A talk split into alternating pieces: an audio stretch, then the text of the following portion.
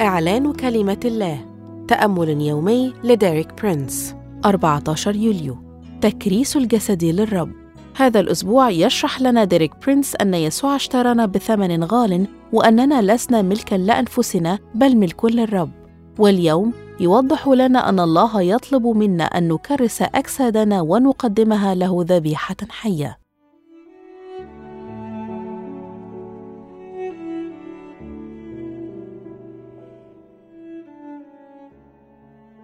من المهم أن ندرك حقيقة أن يسوع فدى الإنسان بالكامل الروح والنفس والجسد.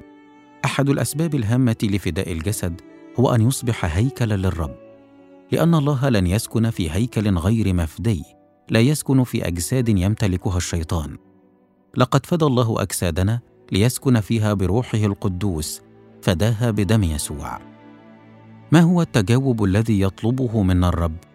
هذا هو الأمر العملي والهام والذي يجب علينا أن ندركه جيدا.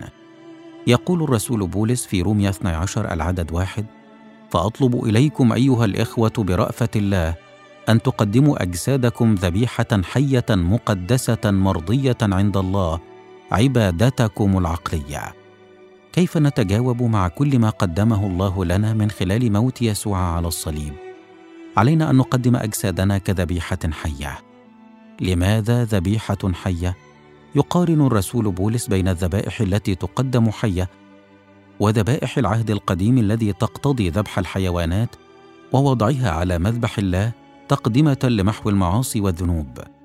يقول الرسول بولس ضع جسدك على مذبح الرب ولكن ضعه على المذبح حيا قدمه ذبيحة حية.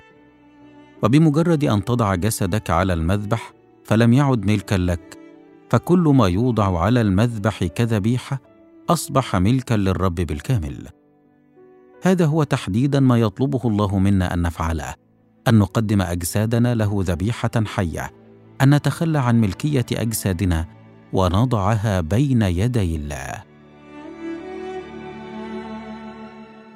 أشكرك يا رب لأنك اشتريتني. أعلن أني أقدم جسدي لك كذبيحة حية وأني قد اشتريت بثمن. أنا ملك للرب. آمين. للمزيد من الكتب والعظات لديريك برينس قم بزيارة موقعنا dpmarabic.com.